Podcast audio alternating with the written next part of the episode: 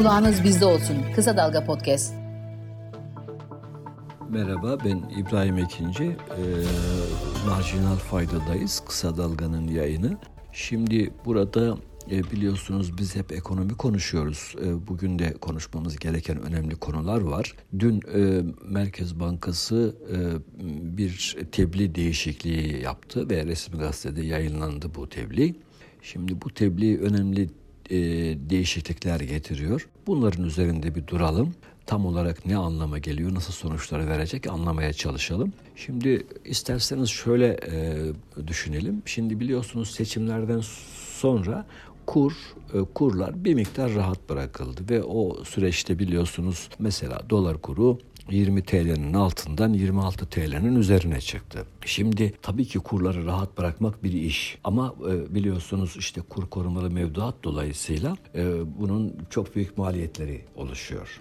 Mesela bu işte 20 TL'nin altından 26 TL'nin üzerine gelmesiyle beraber örneğin işte e, KKM mudilerine KKM tasarruf sahiplerine efendim ödenecek kur farklarının aylık 200-300 milyar liralarını bulabileceği hesaplanıyor öyle. Yani son en benim düş, okuduğum en düşük hesap 200 milyar. Şimdi dolayısıyla önümüzdeki dönemde de her kur çıkışı böyle aylık 200-300 milyarlık efendim büyük e, ödemeler gerektirebilir. Şimdi anlaşılıyor ki e, ekonomi yönetimi de bu kur korumalı mevduattan bir an önce kurtulmak istiyor. Bu yükten kurtulmak istiyor. Bu tebliğ biraz e, bunu hedefliyor. Ya biraz demeyeyim aslında bütün hedefi bu. Çünkü bankalara KKM'den çıkış hedefi getirmiş. Çıkış. Yani Moody'ni ikna et, KKM'den çıksın, Türk lirası mevduata geçsin e, hedefi getirmiş.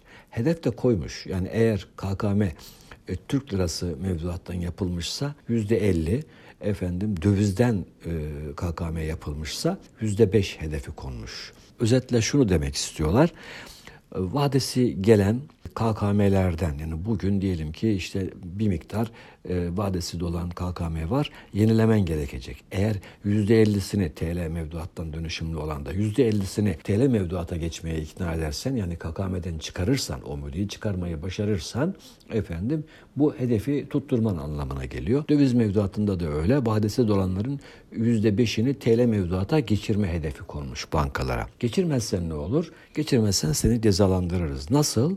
Efendim devlet tahvili alırsın. Ucuz devlet tahvili zarar yazarsın.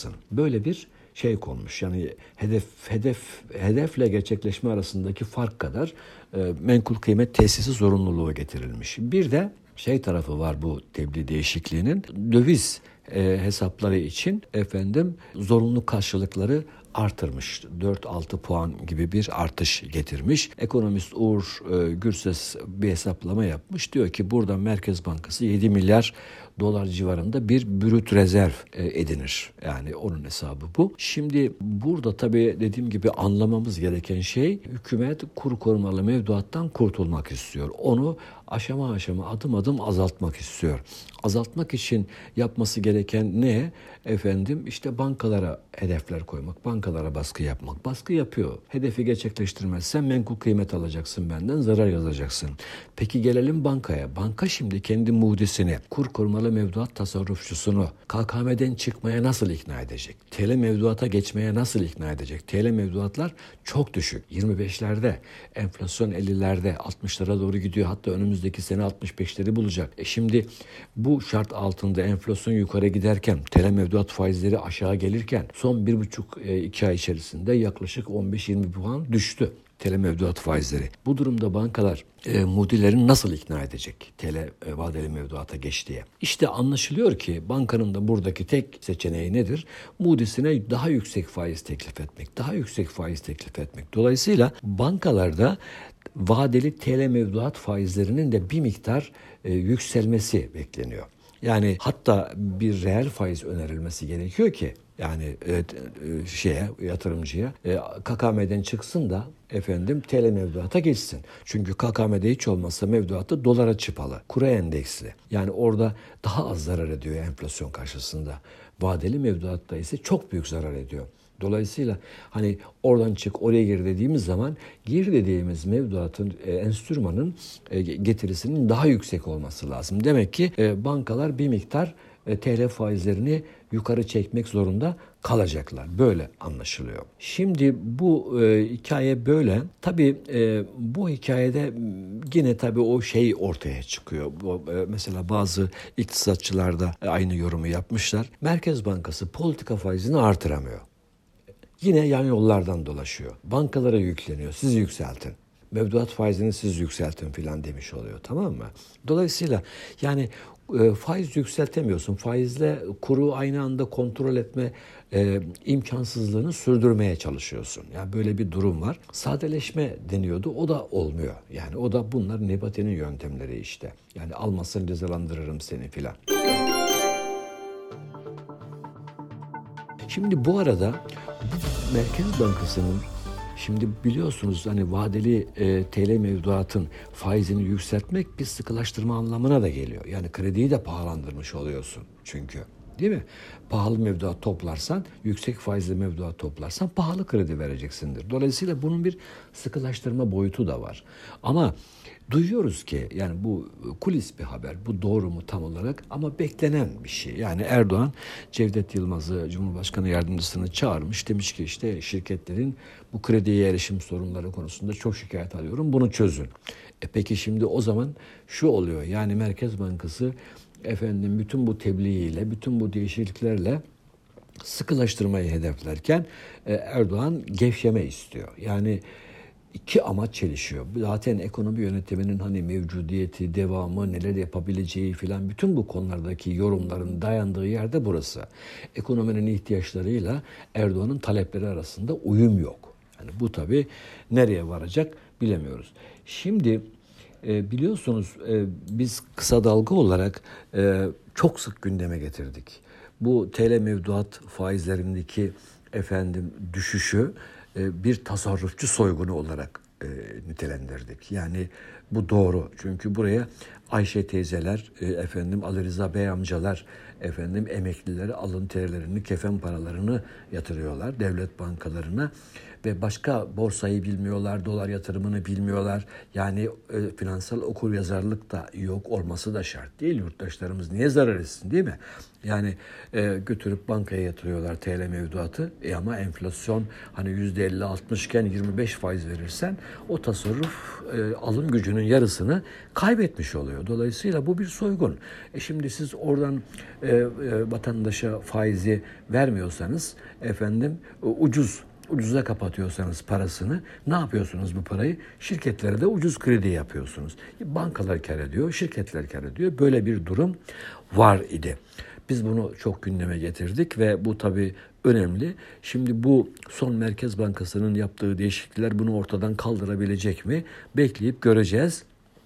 Ama e, önemli bir gelişme, iyi bir gelişme. Son zamanlarda başka e, ekonomi yazarları da efendim işin bu tarafında hani efendim işte mevduat faizleri düşük filan gibi demekten öte bunun aynı zamanda bir tasarruf soygunu olduğunu, bir gelir transferi olduğu konusuna değinmeseler de bunun büyük bir sorun alanı oluşturduğunu yazmaya, çizmeye, konuşmaya başladılar. Mesela Fatih Özatay geçen hafta güzel bir yazı yazdı. Efendim işte TL mevduatla ilgili faizleriyle faizlerin çok düşüklüğüyle ilgili bunun ciddi bir sorun alanı oluşturduğunu ve bir, bir program yapmayı neredeyse imkansız hale getirdiğini söyledi. Yine mesela Barış Soy'dan ekonomi gazetecisi o da mesela e, TL'nin TL'nin TL bombası diye başlıklı bir yazı yazdı ve TL'yi elinde tutanın işte atsan atılmıyor, satsan satılmıyor, e, elinde tutanın eli yanıyor diye bir yazı yazdı. Bu doğru çünkü bu aynı zamanda hani TL'den kaçışı teşvik ediyor idi. Efendim yine vatandaşa hadi borsaya git arsaya git diyor idi ve harcama yap demiş oluyordu vatandaşa. E çünkü TL elinde hani mevduat yapıyorsun zarar ediyorsan bari hiç olmazsa enflasyondan korunmak için git alışveriş yap al, al, almayı tasarladığın bir şey varsa daha erken al gibi bir şeye yol açıyor idi. Şimdi e, bu konunun hani bu konunun bu KKM'den çıkma konusunun gündeme gelmiş olması bence çok önemli. E, alınan kararların nasıl bir sonuç vereceği konusunda tabii öngörüde bulunmak biraz zor. E, ama hani e, amaç doğru. Yani hedef doğru. KKM'den çıkmak lazım. Efendime söyleyeyim bir de tabii geberik TL vadeli mevduat faizini e, kabul etmemek lazım. Onun yükselmesi gerekiyor. Vatandaşın bu tasarrufçu soygununun önlenmesi için. Dolayısıyla e, bu kararlar bence önemli ve e, bana kalırsa yerinde gözüküyor ama tabii ki şu tarafı var. Hani yine yine efendim işte Erdoğan'ın gözünü dikip baktığı politika faizini artıramıyorlar. E, etraftan dolaşıyorlar durmadan. Etrafından dolaşarak iş yapmaya çalışıyorlar ve tabii işte yine bankalara baskı, şuna baskı, buna baskı yöntemiyle ilerliyor. Bunlar bilindik yöntemler. Şimdi biliyorsunuz bir başka konu da gazeteci Recep Can Polat teyitli de olduğunu belirterek Hazine Maliye Bakanı Mehmet Şimşek'in iki hafta kadar önce Cevdet Yılmaz'a istifasını verdiği işte ekonomi yönetiminde o istifa olursa yaratacağı sonuçları dikkate alarak hükümette bir panik olduğu aman yaman dendiği filan işte önlendiği anlatılıyor. Şimdi bu tabi Cumhurbaşkanlığı İletişim Başkanlığı e, bunun doğru olmadığını, dezenformasyon olduğunu duyurdu. Ama tabii karar hani bu pardon bu kulis haber e, yine de bir etki yarattı. Çünkü e, yarattığı etkiden bahsederken şunu kastediyorum. Yani evet yani Şimşek'in istifasıyla bir şekilde yüzleştirdi hani e, bizi, ekonomiyi. Dolayısıyla şimdi bu biraz tabii beklenen de bir şey olduğu için hani haber biraz muhtemelen doğru şeklinde algılandı. Çünkü biliyorsunuz hani Erdoğan yerel seçimlere giderken e, elinin rahat olmasını istiyor, dağıtmak istiyor, efendim projelerini gerçekleştirmek istiyor. Efendim tabii e, Şimşek de e, ve Gaye Erkan da işte efendim enflasyon var biz mücadele edeceğiz, e, sıkılaştırma yapacağız. Dolayısıyla demin bahsettiğim gibi bu iki hedef arasındaki çelişkiden dolayı işte Erdoğan ne kadar bunlara tahammül eder lafları üzerinde konuşuluyor idi. O yüzden hani bu istifa söylentisi bir anda bir karşılık buldu. Yani acaba doğru mu veya doğru olmasına büyük ihtimal verildi diyelim. Yalanlandı. Şimdi tabii e, bir tortusu kaldı mı? Kaldı. Çünkü hani böyle mesela ben Cumhurbaşkanlığı İletişim Başkanlığı'nın açıklamasını zayıf buldum. Yani böyle bir mesela Şimşek'in kendisinden kat'i daha böyle inandırıcı bir açıklama okunsaydı iyi olurdu. Ama o onu doğrusu ben görmedim. Şimdi tabii burada ıı, Türkiye'de ekonomiyi yönetmek demek şu demek Erdoğan'a para bulmak demek. Yani Şimşek'in aslında görevi e, para bulmak. Yani Erdoğan'ın projelerine para yetiştirmek. İşte o kime ne kadar zam yapacak ona para yetiştirmek. Efendim yani bütün siyasetini finanse etmek. Yani dolayısıyla aslında Şimşek'ten beklenen şey de gelip her şeyi düzeltmesi falan da değil yani. Aslında döviz bulması yani para bulması. Ya döviz getirirse, döviz bulursa efendim içeride kurlar biraz sakinleyecek. Dolayısıyla enflasyon da biraz sakinleyecek. Hem e, içeride aynı zamanda işte şirketlere kredileri açık olacak, canlı canlı olacak ekonomi ve Erdoğan da işlerini yürütebilecek. Fakat dediğim gibi işte ekonominin ihtiyaçları ile Erdoğan'ın siyasetinin ihtiyaçları arasında çelişki var. Bu çelişki tabii Türkiye ekonomisini örseliyor. Bir öyle karar alınıyor, bir böyle kararlar alınıyor. Kararlar birbirinin altına oyuyor. Böyle e, sallan yuvarlan bir halde devam ediyoruz. Bu iş nereye varır? Tabii onu da bekleyip göreceğiz. Bu haftalık da bu kadar. Kendinize iyi bakın. Hoşçakalın.